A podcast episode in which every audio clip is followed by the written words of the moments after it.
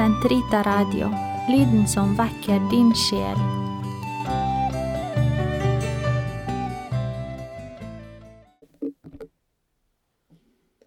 Den katolske kirkes katekisme, uke fem, onsdag, paragraf 1113 til 1121. Andre artikkel Påskemysteriet i Kirkens sakramenter. Hele Kirkens liturgiske liv dreier seg rundt det eukaristiske offer og sakramentene. Det er syv sakramenter i kirken. Dåpen, fermingen eller krismasjonen, eukaristien, boten, sykesalvingen, ordinasjonen, ekteskapet. I denne artikkelen skal vi ta for oss det som fra et læremessig synspunkt er felles for Kirkens syv sakramenter.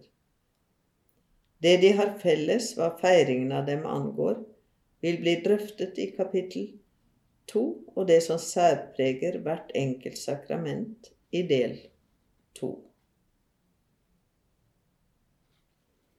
1. Kristi sakramenter. I tilslutning til De hellige skrifters lære, de apostoliske tradisjoner og fedrenes samstemmighet, bekjenner vi at den nye lovs sakramenter alle ble innstiftet av vår Herre Jesus Kristus. Jesu ord og gjerninger under hans skjulte liv og under hans offentlige virke var allerede frelsende. De foregrep kraften i hans påskemysterium. De kunngjorde og forberedte det han kom til å gi Kirken når alt var fullbrakt. Kristi livs mysterier er grunnlaget for det som han fra nå av, gjennom sine, sin kirkes tjenere, utdeler gjennom sakramentene. For det som i vår Frelser var synlig, er gått over i hans mysterier. Sakramentene, krefter som går ut fra Kristi legeme, som fremdeles både lever og gir liv, Den hellige ånds gjerning som er virksom i hans legeme, som er i kirken, som er kirken, er Guds storverk i den nye og evige pakt. 2. Kirkens sakramenter. Ved Den hellige ånd, som fører den til hele sannheten, har Kirken, lik en klok forvalter av Guds mysterier, litt etter litt erkjent den skatt den hadde fått av Kristus, og hvordan den skulle forvaltes, på samme måte som tilfellet var med de hellige skrifters kanon og med troslæren.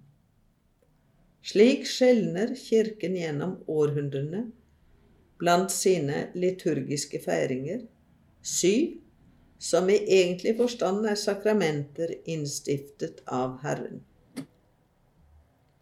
Sakramentene er Kirkens sakramenter i dobbelt forstand. De er ved Kirken og for Kirken. De er ved Kirken, siden den er sakramentet for Kristus som virker i den, ved Den hellige ånd som er blitt sendt den. Og det er for Kirken. Det er de sakramenter som skaper Kirken, fordi de viser og meddeler menneskene, særlig i Eukaristien, den kjærlige Guds samfunn, én i tre personer. Kirken som sammen med sitt hode Kristus utgjør en mystisk person, handler i sak sakramentene som et fellesskap av prester, med en organisk struktur. Ved dåpen og fermingen blir det prestlige folk satt i stand til å feire liturgien. Dessuten er det visse troende som ved vielsen til en kirkelig tjeneste innsettet innsettes i Kristi navn til å røkte Kirken ved Guds ord og nåde. Den vigslete tjeneste, eller det ministerielle tjenende prestedømme, står i tjeneste hos de døptes prestedømme. Den borger for at det virkelig er Kristus som i sakramentene virker for Kirken ved Den hellige ånd. Den utsendelse til, frelsere, til frelse Faderen betrodde sin inkarnerte sønn, ble betrodd apostlene og gjennom dem deres etterfølgere. De mottar Jesu ånd for å handle i hans navn og i hans person. Slik utgjør den vigslede tjeneste det sakramentale bånd som knytter den liturgiske handling til det apostlene sa og gjorde, og gjennom dem til det Kristus sa og gjorde. Han som er sakramentenes kilde og grunnvoll.